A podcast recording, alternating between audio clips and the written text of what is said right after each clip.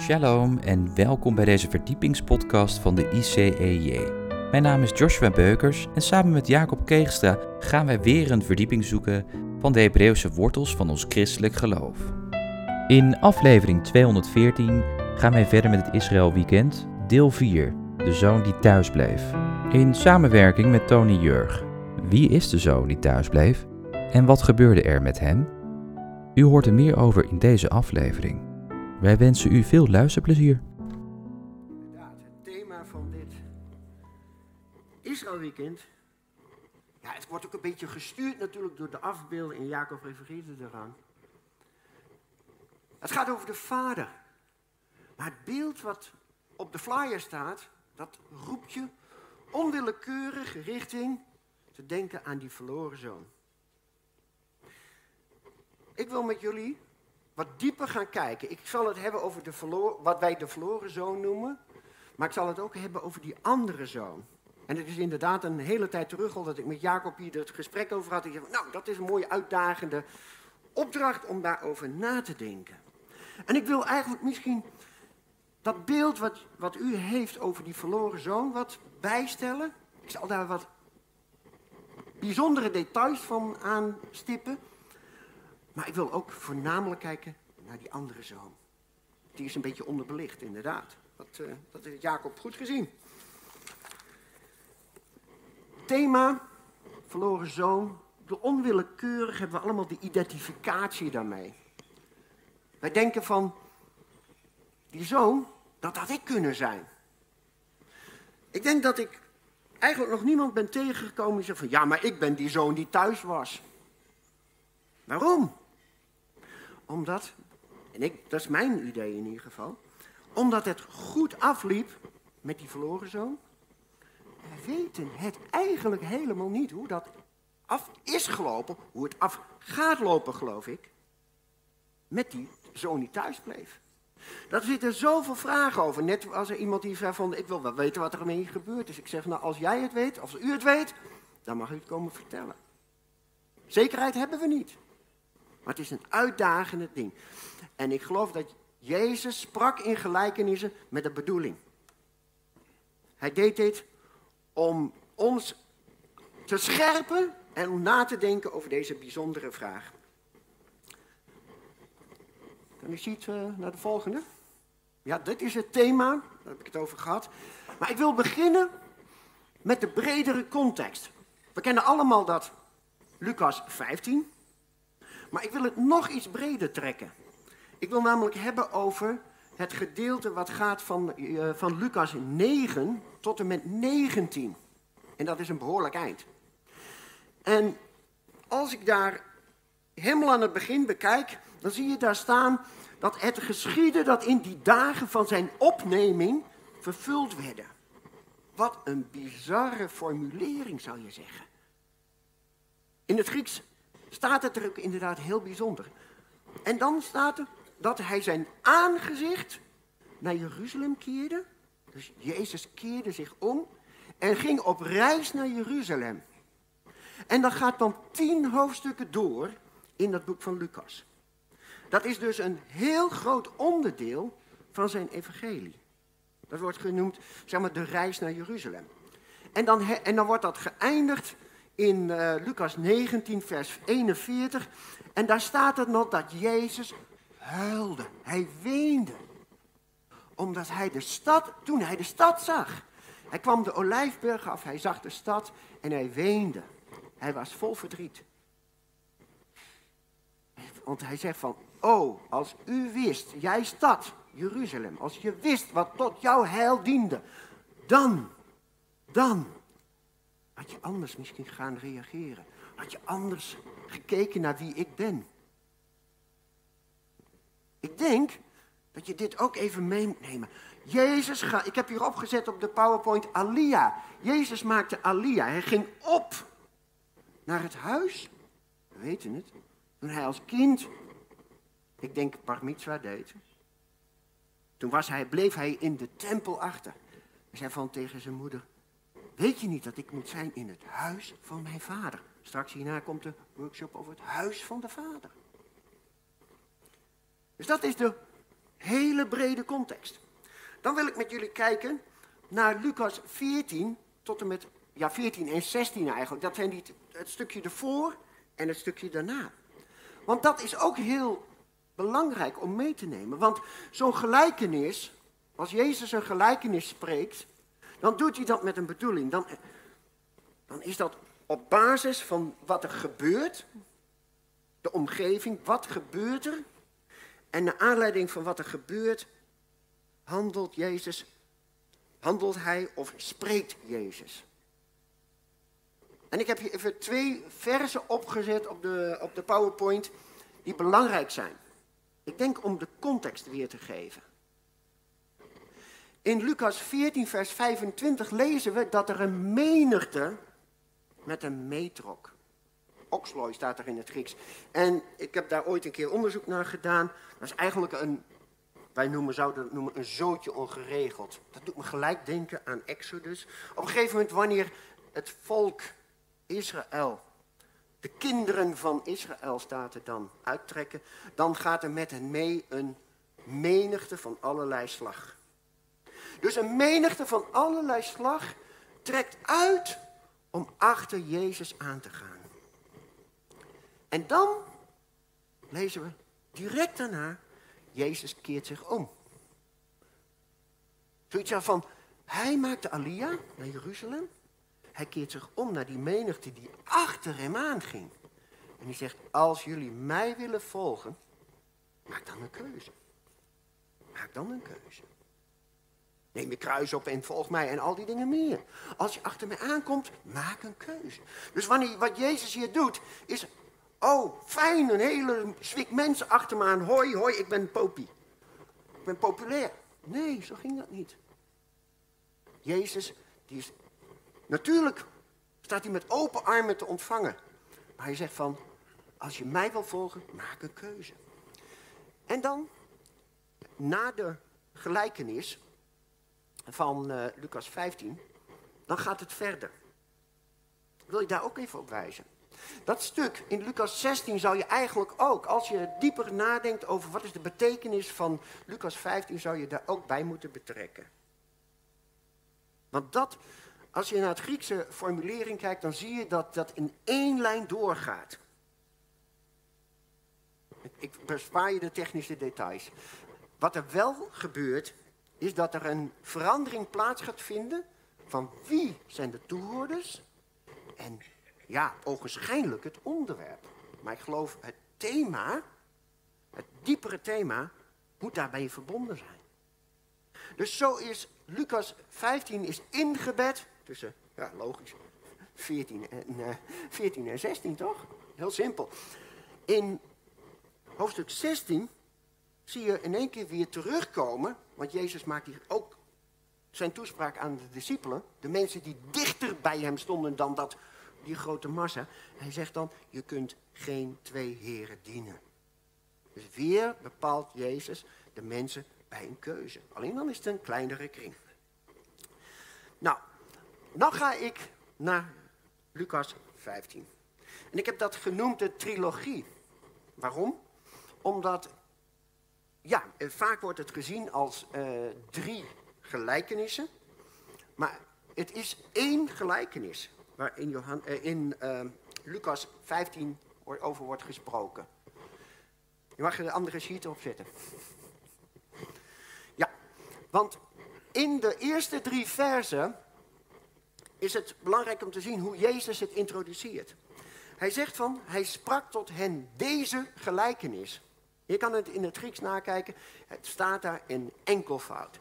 Dus hoofdstuk 15 in Lucas, dat is één gelijkenis. Je zegt van ja, dat, dat zeg je nu wel zo, maar wie zegt dat dat vaker voorkomt? Nou, het voorbeeld wat ik er ook op heb gezet is uit Lucas 5, vers 36 en tot en met 38.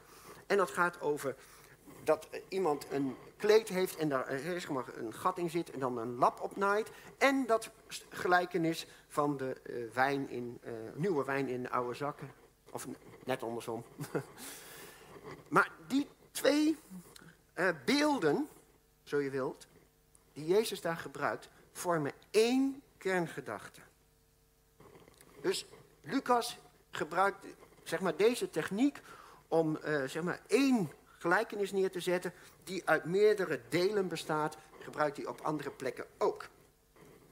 Dan wil ik met jullie kijken naar de structuur van de gelijkenis. Dus, uh, het is één gelijkenis, hè? En dat is het hele gedeelte van hoofdstuk 15.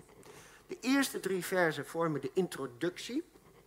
En dan, ik heb het even de eerste acte genoemd. Het is eigenlijk een, je kan zeggen, een toneelstuk. Ja, soort of. En de eerste acte, dat is de, uh, van vers 4 tot en met 10. En dat bestaat weer uit twee delen. Het verloren schaap heb ik het genoemd. Sommigen noemen het goede herder. Daar kom ik nog op, waarom ik dat hier bewust niet zeg. En de verloren penning.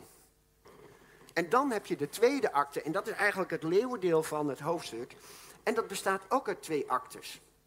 Je denkt van ja, hoezo? Ja, eh, het gaat. Eigenlijk is het één geheel, want het gaat over de gelijkenis, gaat over de vader. De vader die op zoek is naar het hart van zijn kinderen. Van zijn zonen. Zijn twee zonen heeft hij.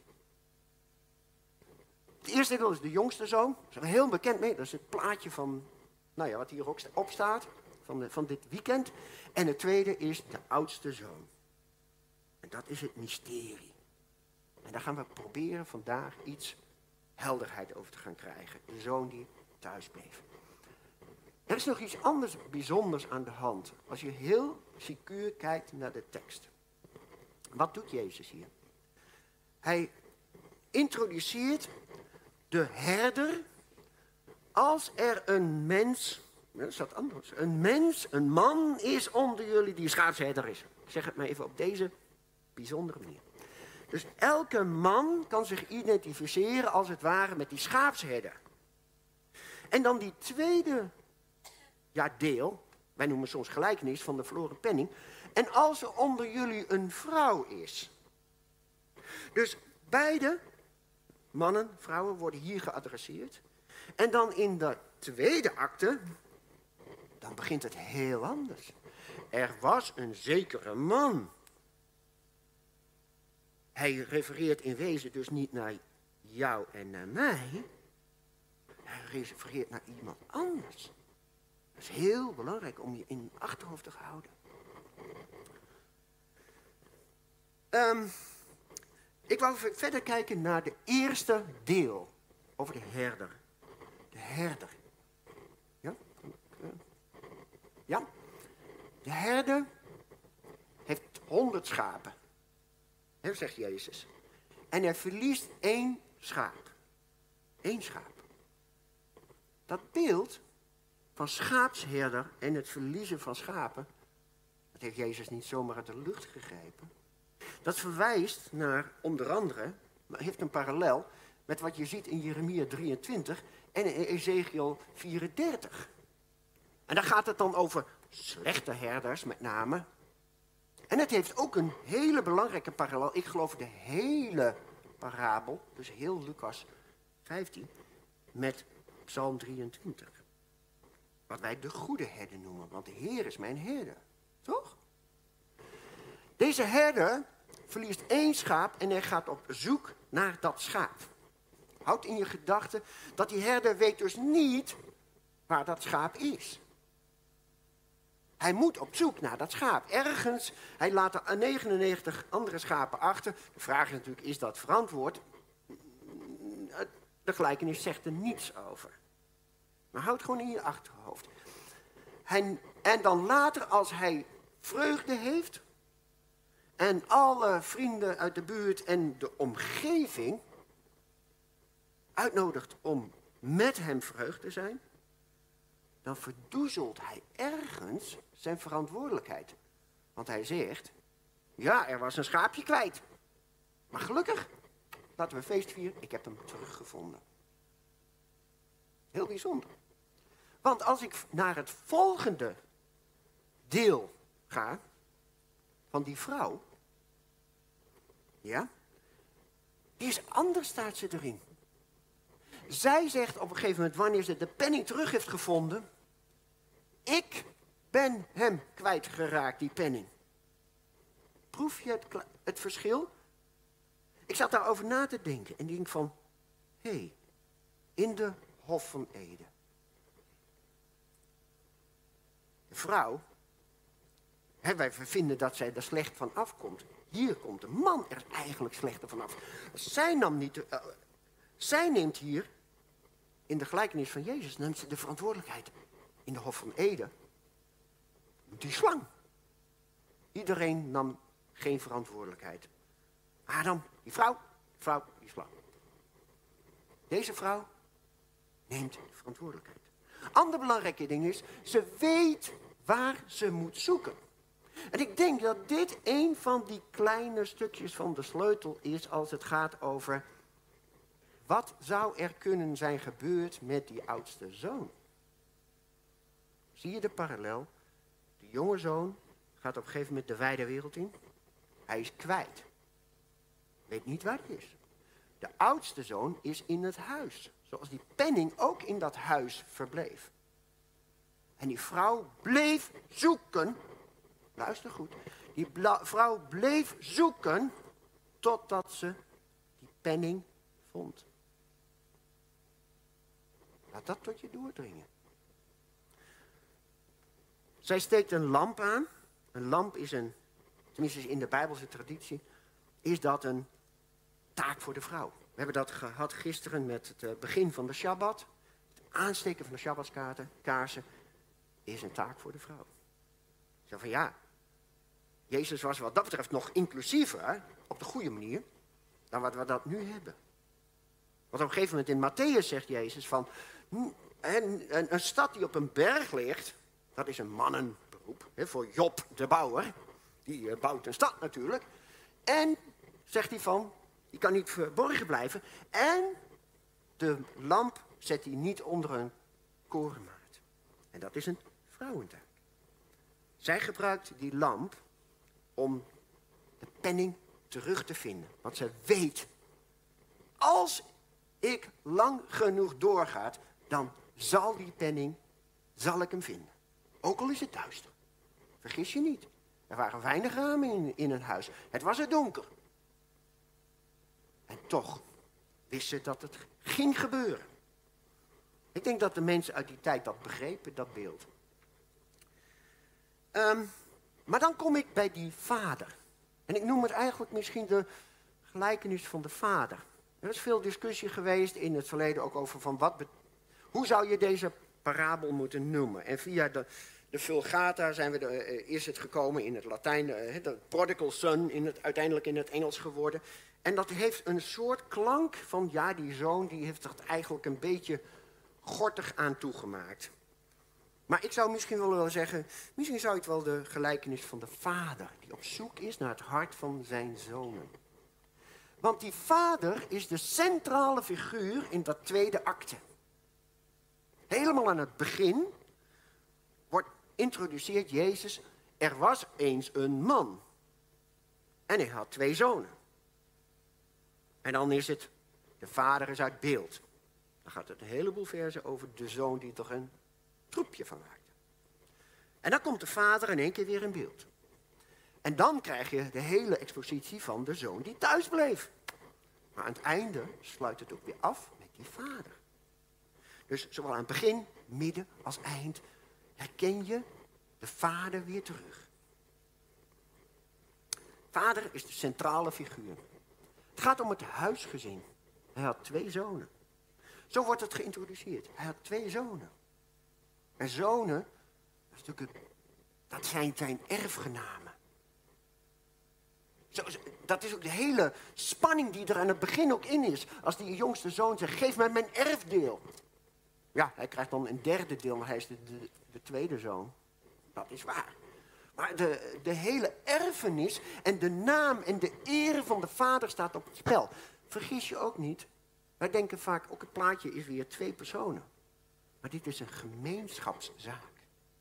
De eer van de vader, die heeft hij in de stad, in het dorp, in de plek waar hij woont. Het gaat om de eer van de vader. En de vader, ook al wordt hij uitgedaagd door de jongste zoon, En we kennen dat beeld hartstikke goed, want daar hebben vele predikers en ik ook over hebben gepreekt. En we hebben het misschien niet altijd zo diep begrepen. We hebben altijd gezien, de zoon, eigenlijk zei hij, de vader, je bent dood voor mij, geef me alvast mijn erfenis. Ja, en daar zit zeker wat in. En de vader uit liefde stemt daarin mee. Ook al begrijpt hij het misschien helemaal niet. Maar hij heeft een vast geloof, net als die vrouw, dat uiteindelijk de zoon wel weer terug zou komen. Ik geloof dat. Anders ga je toch niet als vader zeggen, oké, goed. Ik, want hij maakt, als je in, kijkt in het Grieks, dan staat er, hij maakt zijn bios, zijn levens. Zeg maar, dat hem leven geeft, maakt hij te gelden.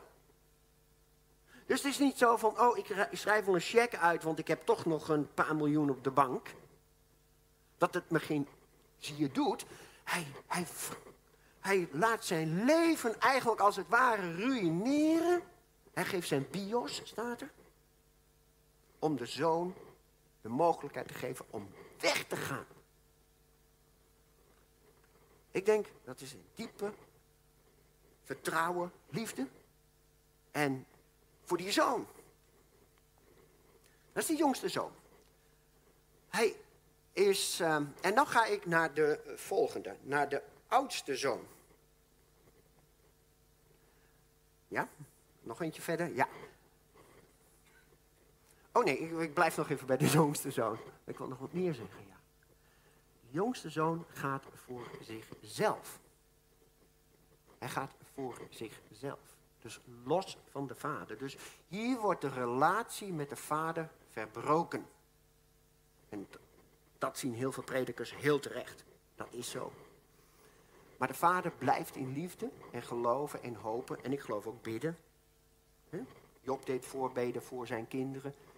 En ik denk dat dat hier ook het geval is. Hij deed, bleef voorbeden doen, vermoed ik. En dan gaat het niet zo goed met die jongste zoon. Want hij verkwist het geld. Hij verkwist de erfenis van zijn vader. De eer, de, de life support als het ware van de vader, verkwist hij. En nu wil ik het opnemen voor die jongste zoon. Want de meeste predikers die zeggen, ja, hij ging er echt eh, als een wilde bras. En dit alle dingen die God in verbod, eh, die God had verboden. Hij ging naar de hoeren. Die tekst hebben er staan toch, iets verderop. Maar dat staat hier niet. Er staat slechts dat hij het geld kwijtraakt. En in oude uh, Arabische vertalingen komt het ook naar voren. Dat het is niet een immoreel wat hij hier doet. Hij verkwist alleen het geld. Heel bijzonder. Maar daarin raakt hij wel de eer van de Vader. Volgende. En dan. Ik wil nog iets bijstellen. Want ik heb net even de, het beeld van die verloren zoon bijgesteld in de positieve kant. Dat hij er niet helemaal wilde bras de echte verkeerde dingen deed. Maar zijn berouw kernpunt van zoveel prediking. Klopt dat wel wat wij zo vaak zeggen? Als je heel goed kijkt naar wat er staat, hij kwam tot zichzelf. Daarom ben ik ook begonnen met, hij gaat voor zichzelf uit. Dus hij doet zijn eigen wil. Hij gaat uit voor zichzelf. En dan op een gegeven moment komt hij terug bij zichzelf. in het Grieks is daar een vorm van het, woord, werkwoord ergomai kun je vergeten. Maar neem hem van mij aan, hij keert terug tot zichzelf. Niet tot God, niet tot zijn vader en ook niet tot het land. Hij keert terug tot zichzelf. En dat wordt nog helderder als je de vers daarna, of het stuk daarna gaat lezen. Dan lees je van, ik heb hier niets te eten, maar de knechten van mijn vader wel. Ik ga terug. Hij wilde de, het eten van de varkens eten, dus eigenlijk zich ook vernederen alsof hij een varken was. En daarmee verlogende hij als het ware zijn hele afkomst, zijn identiteit. Dus waar hij in ene keer zegt van, ja vader, jouw identiteit neem ik niet meer aan, nam hij ook, zeggen ze, niet meer de identiteit van zijn volk, van het Joodse volk. Die wilde hij verwerpen. Alleen maar om eten te krijgen, om een manier te hebben om in leven te blijven. En als dat niet lukt, op dat moment, wanneer het hem niet lukt om zelfs met het verlogenen van zijn identiteit een boterham te krijgen, als het ware, dan komt hij tot zichzelf. Hij zegt van, ik ga terug naar de vader. En hij heeft een heel plan georganiseerd waarin hij, zeg maar, vergoeding kan doen, terug uh, kan betalen en weer in soort kan voorzien in zijn levensonderhoud. Heeft hij berouw? Kijk goed naar wat hij zegt. De jongste zoon wil zeggen, vader, ik heb gezondigd tegen de hemel en tegenover u. Lucas 15, vers 18. Maar, wat lezen we in Exodus 10, vers 16? Eigenlijk precies dezelfde woorden. Van de farao, die tegen Mozes op een gegeven moment zegt. Want hij wilde van de plagen af. Hij wilde van de plagen af. En hij heeft het smoesje. Het argument. Ik heb gezondigd tegen de Heere, uw God. Moet je kijken wat de farao een lef heeft. Hij zegt, ik heb gezondigd tegen Jod, he, waf, he, tegen Yahweh. En tegen u. Denk jij nou werkelijk dat de farao daar berouw had? Nou, ik weet het niet. Maar het ergste van dit alles is, de verloren zoon die wij de verloren zoon noemen, de jongste zoon, heeft een heel plan opgesteld. Ik ga het herstel zelf wel regelen. Het herstel, niet eens het herstel met de vader, maar het herstel van mijn positie. Dat is heftig. Ik zeg dit niet om, om zeg maar, alle andere predikers hier uh, zeg maar, mee zwart te maken, want ik heb het zelf ook gepredikt. Dan zou ik het ook tegen mezelf moeten zeggen. Doe ik ook. Ja? Goed, we gaan nu verder naar die oudste zoon. Die oudste zoon was op de akker. De akker in de, in, in de tenag is altijd een beeld van datgene waar het werk van, natuurlijk van het huis gebeurde. Maar als je het meer geestelijk bekijkt, is het ook werk van de Heer. Hij was actief in het werk van de Heer als het ware. Zo zouden we het kunnen vertalen naar onze termen. Dat doet me denken aan ja, even tussendoor aan Jaap Dieleman, die heeft wel eens gezegd van, soms dan houden we meer van het werk van de Heer dan van de Heer van het werk. Soms zijn we zo opgegaan in het werk van de Heer, dat we eigenlijk de Heer van het werk zijn vergeten. Waar draait het eigenlijk om? Hij was getrouw. Hij maakte er geen potje van, hij verkwist het niet. En gelukkig voor hem had nog het tweederde deel van de erfenis over. Dus dat, uh, dat was wel goed gekomen, denk ik zo. Maar dan komt hij thuis, na een lange dag werken, stel ik mij zo voor. En dan hoort hij muziek, dans. Dans, denk ik dat er ook bij was. En dan vraagt hij een van die jongens, trouwens dat, is een heel andere iets verhaal. Er, er wordt in dat verhaal uh, gesproken over knechten en over slaven, of, of dienstknechten. Dus er zijn twee verschillende gradaties in dit verhaal. Daar ga ik even verder niet op in, maar iemand die dat wil onderzoeken, heel interessant. Maar wat gebeurt er? Die jongen vraagt hij, wat gebeurt hier? En dan zegt de jongen, let op, jouw broer is gekomen. Er staat niet van, hij is gered, hij is gekomen. En je vader heeft het gemeste kalf geslacht. En toen werd hij boos en wilde niet binnengaan. Dit is het, tragische moment. Dus denk ik ook waarom heel veel mensen uh, zoeken naar oplossingen van wie is nou die, verloren, uh, die zoon die thuis bleef? Waarom? Hoe liep het af? En nou ben ik op het punt van, ja, daar moeten we verder over nadenken. En ik heb er al iets over gezegd. En de volgende. Maar zijn vader spoorde hem aan. Zijn vader bleef vasthouden. Ik geloof, dit is het kenmerk van die vader. Hij had voor die jongste zoon vast blijven houden. Hij hield vast, want hij was, zijn hart ging uit naar zijn zoon. Ik ben zelf ook vader. En soms dan voel je je als vader onmachtig om je kinderen op een goede manier te bereiken. Ik denk dat die vader ook misschien wel onmacht heeft ervaren. Hoe kan ik die jongste zoon bereiken? Hoe kan ik die oudste zoon bereiken? Ze verschillen zo sterk. En als je ziet dat er, als de behoeften van kinderen heel erg sterk verschillen, dat kan door ziekte of door andere omstandigheden.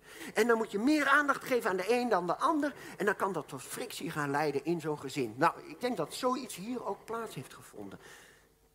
De vader geeft aandacht, alle volledige aandacht aan het herstel van die jongste zoon. En dat wekt frictie op bij die oudste zoon. En dan, ja, ik ga nog weer door.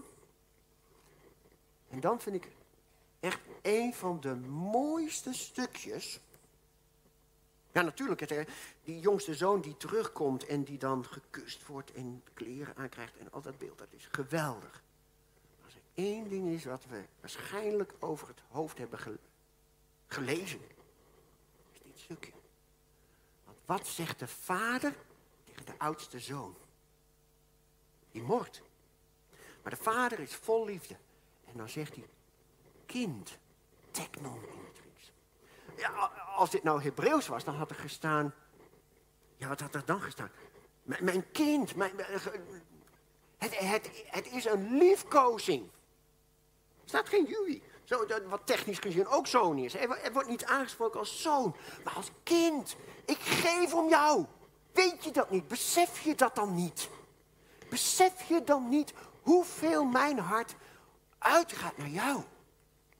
Techno, kind. Alles wat ik heb.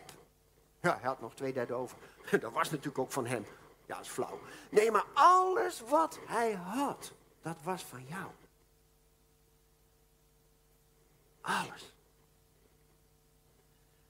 De oudste zoon verloor niet de liefde van de vader. Ook al was hij opstandig. Ik weet niet of dit zijn hart heeft gebroken. Het zou kunnen. Dat hier een, een, een inzicht komt in die oudste zoon. Die vader geeft ook om mij. Hij noemt mij niet alleen maar zoon, maar hij noemt mij, ja, geliefde zoon. Hij noemt mij kind. En dat is geen verkleinwoordje, maar een liefkooswoord. Nou, dan kom ik bij de vraag. Dat is een mooie gelijkenis, hè? Maar wie zijn nou die, oud, die oudste en die jongste zoon? Wie zijn dat nou? Kijk, en, en uh, heel veel mensen eh, hebben uh, natuurlijk dat beeld al lang voor elkaar. Van ja, de oudste zoon dat is Israël, de, de, de jongste zoon dat zijn wij, de gelovigen uit de heidenen. je kan het lijstje laten. Ja, ik zie je daar. Ja, dat lijstje. Want ik heb ehm, ja, voor de grap doe ik ook wel eens wat aan kerkgeschiedenis. Heb ik wat oude kerkvaders erbij gepakt. Met kijken van wat zeggen zij nou over van wie is de oudste zoon en wie is nou de jongste zoon. En dan kom je hele bijzondere inzichten tegen. Ik vind dat interessant. Cyril van Alexandrië, het is eigenlijk allemaal eh, derde, vierde eh, eeuw, zeg maar, vijfde eeuw. De oudste zoon, dat zijn de heilige engelen. Ja, want die hebben natuurlijk niks fout gedaan. Ik bedoel, die zijn altijd bij de Heer aan het dienen. Uh, ja, ik vind dat een beetje lastig, want er staat op een gegeven moment, uh, twee keer wordt er gezegd van, ja, uh, zoals één, iemand die een, zon, zondaar zich bekeert, dan verheugen de engelen zich. Hm.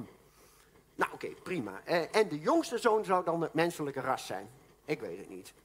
Maar ik leg het gewoon neer. Gewoon om je denken wat losser te krijgen. Dan Peter Chrysos, Logos, en later hem Augustinus natuurlijk ook, die zeggen van ja, het populaire beeld wat we tegenwoordig ook horen, de, de Joden, dat, zijn, dat is de oudste zoon. En nou ja, de gelovigen, de werkelijke gehogen, uh, gelovigen, dat zijn wij, de gelovigen heidenen. Ja? Want wij, wij waren van verre gekomen, en vanochtend was de tekst ook uit de Efeze aangehaald, van verre af, en werd dichtbij gekomen. Ja, oké. Zit wat in, hè, zou ik zeggen.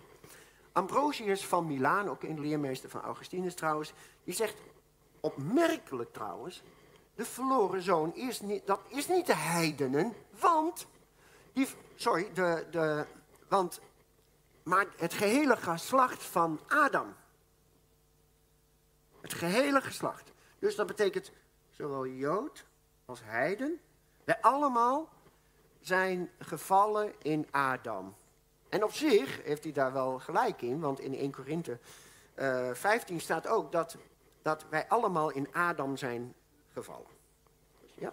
En, en dan dat Yeshua, de eersteling, he, dat herstel gaat brengen. Dus dat vind ik een, op zich een plausibele gedachte.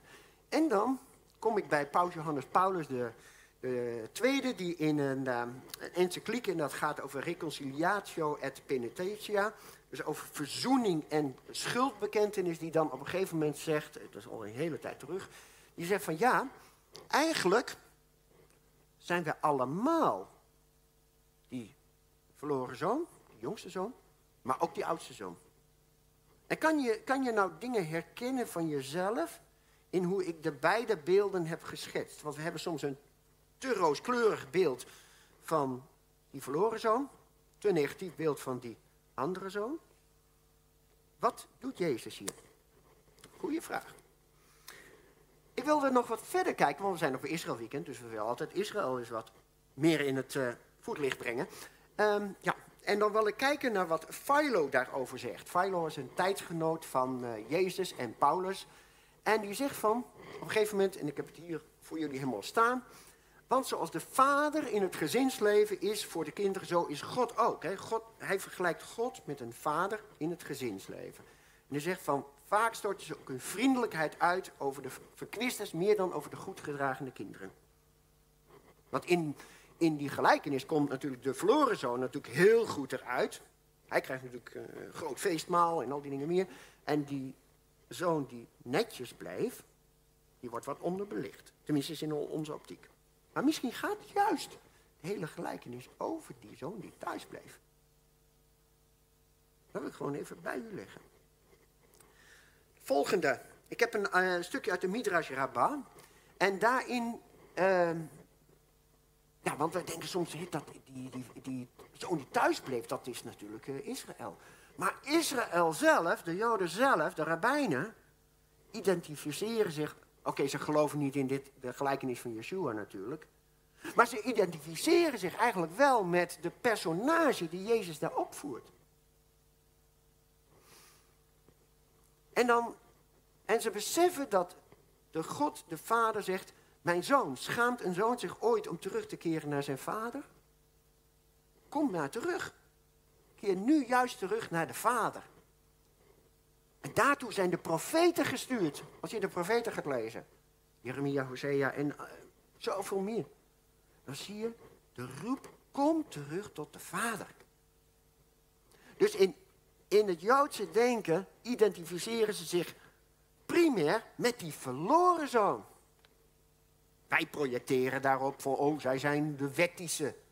We beseffen heel goed, wij, wij schieten tekort die, die zoon die thuis bleef, dat is utopisch. Ik heb nooit iets gedaan tegen wat niet goed was. Kom. Die zie je bijna niet. Uh, nog eentje, de Pisca. Dat is uh, uit uh, de tweede helft van de eerste millennium ongeveer. En dat gaat ook weer in op dat keer terug, o Israël. En dan beseffen ze zich van ja, maar ik kan helemaal zelf niet terugkeren. De verloren zoon probeerde terug te keren op zijn eigen condities bij de vader. Hij dicteerde als het ware aan ware aan de vader hoe het herstel zou moeten gaan plaatsvinden. En zij beseffen, in dit, dit is dan wat later natuurlijk, in het eind van de eerste millennium, van de boodschap is, kom zo ver als je kunt. Dat is wat de vader zegt tot de zoon die weer terug wil komen kan dat niet uit zichzelf. Kom zo ver terug als je kan en ik kom jou tegemoet. Zie je hoe mooi dat is? Dat is even om het wat allemaal wat bij te stellen. Maar waar draait de hele gelijkenis nou om? Waar draait dit om? Is het om gevonden worden? Elk van deze actes, elk van deze drie onderdelen, wordt iets teruggevonden. Als ik het de vier zeg, dan wordt er in drie van de vier wordt wat teruggevonden. Ik denk dat in die laatste vier ook uiteindelijk wat wordt teruggevonden. Want het wordt opengelaten. Als je de retorische structuur gaat analyseren, dan zie je een schaap dat, terug, dat buiten in het veld is, maar wordt teruggebracht. En dan met de penning van de vrouw die verloren is, wordt weer gevonden. Maar die was in het huis. De verloren zoon was buiten en de zoon die thuis bleef was in het huishouden. Vergis je niet, huis in het Hebreeuws, maar ook in het Grieks. Dat betekent huishouden en dat betekent de hele gemeenschap van de vader. Ja? Dus dat is niet een gebouwtje, dat is een community. Hele mooie parallel. En daarom geloof ik dat het appel van de vader die doet op liefde. Kind, mijn kind, weet je dan niet hoeveel ik van je hou? Dat essentieel is over het verstaan van wat zou er uiteindelijk gebeuren met de zoon die thuis bleef. Ik heb nog uh, een ander punt is. Gaat het om vergeving ontvangen? Ja, ook. Herstel van relatie? Absoluut geloof dat de vader verlangte naar relatie. En dat komt met name natuurlijk in de gelijkenis van de vader. Hè? Want met dat schaap en met die penning is natuurlijk niet direct sprake van een zielsrelatie. Hè? Opstanding tot leven. Opmerkelijk is hoe de vader op een gegeven moment zegt over zijn jongste zoon: Hij was dood en is weer levend geworden. Hij was verloren en is weer teruggevonden. Mooi. Opstanding tot leven. En dan kom ik bijna helemaal eschatologisch, helemaal uiteindelijk bij die maaltijd. In Psalm 23. Ik heb gezegd, er is een parallel te zien tussen Psalm 23 en wat hier gebeurt in Lucas 15.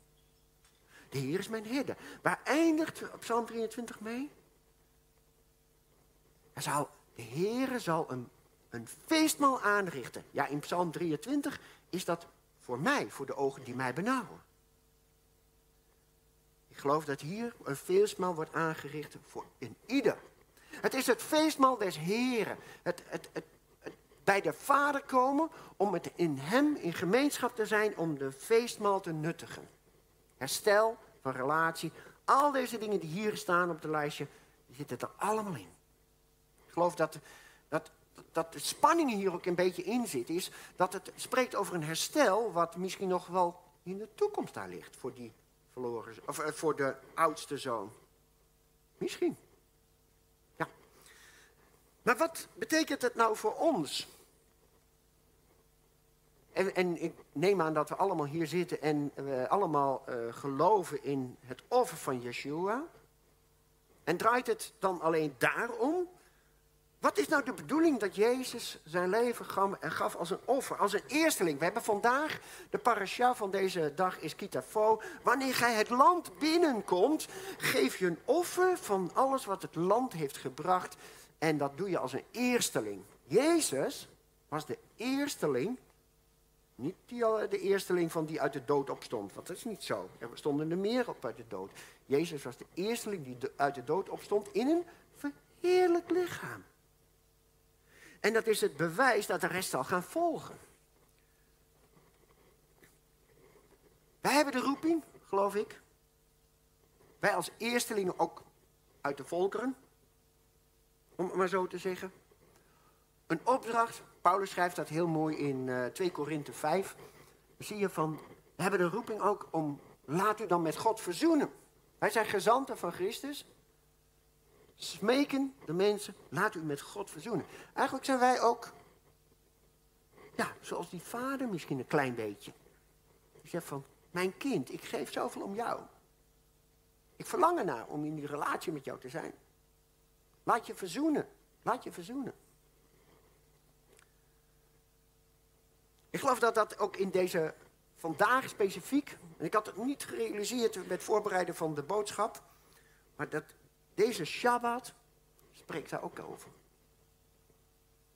We zullen dat land binnengaan, die, die, die vreugdevolle maaltijd, de tafel des Heren, die zal, hè, zoals Psalm 23 ook zegt, ik zal verblijven tot in lengte van dagen. Welke lengte van dagen? Mijn lengte van dagen? Lengte van dagen van de Heer zelf? Misschien beide? Maar dat is waar we naar uitkijken. Naar die tafel des Heren. En dat doe je niet alleen. Ik denk dat dat ook een hele belangrijke les is. Als ik, als ik lessen zou willen nemen die je uit deze gelijkenis mag halen. De oudste broer had moeite mee. Want op het moment wanneer hij de stap nam om te zeggen: Ja, papa, ik ga met je mee, ik ga het feest in. Dan had hij natuurlijk impliciet erkend het herstel van zijn broer. Ja, maar die had er toch een puin op voor gemaakt. Moet je kijken wat beeld hij had. Hij had het beeld. Daar hebben we ons beeld van waarom de prodigal son is. Waarom het de, wij, wij zeggen dat niet in het Nederlands, maar eigenlijk de. Ja, hoe moet je dat zeggen in het Nederlands? De zoon die er een zootje van maakte. Hij maakte er minder zootje van dan de oudste broer dacht. Zijn beeld weerhield hem ervan om die stap te nemen. De uitnodiging van de vader in eerste instantie te accepteren. Heftig. Maar de opdracht aan ons, de opdracht toen was, laat je verzoenen met de vader. Dat is het thema van deze, dit Israël weekend. Laat je verzoenen met de vader. De liefde van de vader, en als er één ding is wat spreekt ook uit deze gelijkenis. De liefde van de vader is ongeacht van hoe de levensloop was van zijn kind. Ongeacht van hoe ik, jij, soms een potje van maakt. Of het juist heel goed doet. Ja, dat kan ook. Wij kunnen het zo goed denken, dat, dat we het zo goed doen, dat we ons weer houden om echt in de relatie te komen met de Vader. Maar de Vader zegt, wat jouw conditie ook is, mijn liefde is groter. Kom tot de Vader. Of je nou een leven hebt gehad in de wereld, ik heb dat gehad. Dus ik identificeer me meestal met verloren zoon. Maar ik ken ook mensen die dat juist helemaal niet hebben gehad. En in beide situaties ik denk dat de paus een, een, een goed woord heeft gezegd. We zijn er eigenlijk allebei. Ergens zijn we allebei. Ergens zijn we allebei. Zijn we allebei, hebben we iets van die verloren zoon, iets van die zoon die thuis bleef. We vergelijken ons met elkaar. Als jij die goede zoon bent die thuis bleef, vergelijk je je soms met een ander. Ik doe het beter dan hij. Dat was toch zijn probleem? Ja. En we mogen het afleggen. Want de liefde van de vader zegt, ook al, ook al, beschadig je als het ware mijn zoon. Hè? Vergis je niet. Die vader, ik weet niet of die wist wat de, zoon allemaal, de jongste zoon allemaal had gedaan. Ik wist niet of hij kon bepalen of de oudste zoon waarheid sprak of leugen. Ik weet het niet. Maar het was een slecht rapport wat de jongste zoon gaf over de oudste zoon. En zelfs dat hield de vader er niet van. Om van de oudste zoon te houden. Te blijven houden. Hij hield vast. Ik geloof dat. Dat schiet me in één keer de verste binnen. Zou een moeder haar kind verlaten? Zelfs al zou zij dat doen. De Heere Het beeld van die moeder, dat is die tweede. Eh, eh, er wordt niet moeder genoemd, vrouw. Het beeld van die vrouw die vast bleef houden. Bijna tegen beter weten in. Nee, niet tegen beter weten, want ze wist dat hij er was. Bleef vast beraden. Ik zal het vinden, want het is in mijn huis. En ik geloof dat die vader zo is gegaan achter de oudste zoon. De oudste zoon was ook verloren. De oudste en de jongste zoon waren beide verloren. Beide deugden ze niet. Beide hebben ze geprobeerd om op hun eigen manier gerechtigheid voor elkaar te krijgen. Even in beide gevallen geloof ik is het de vaders liefde en trouw hen terug wilde roepen. Ik geloof dat dat een hele ja, goede mogelijke afloop zou kunnen zijn geweest van deze.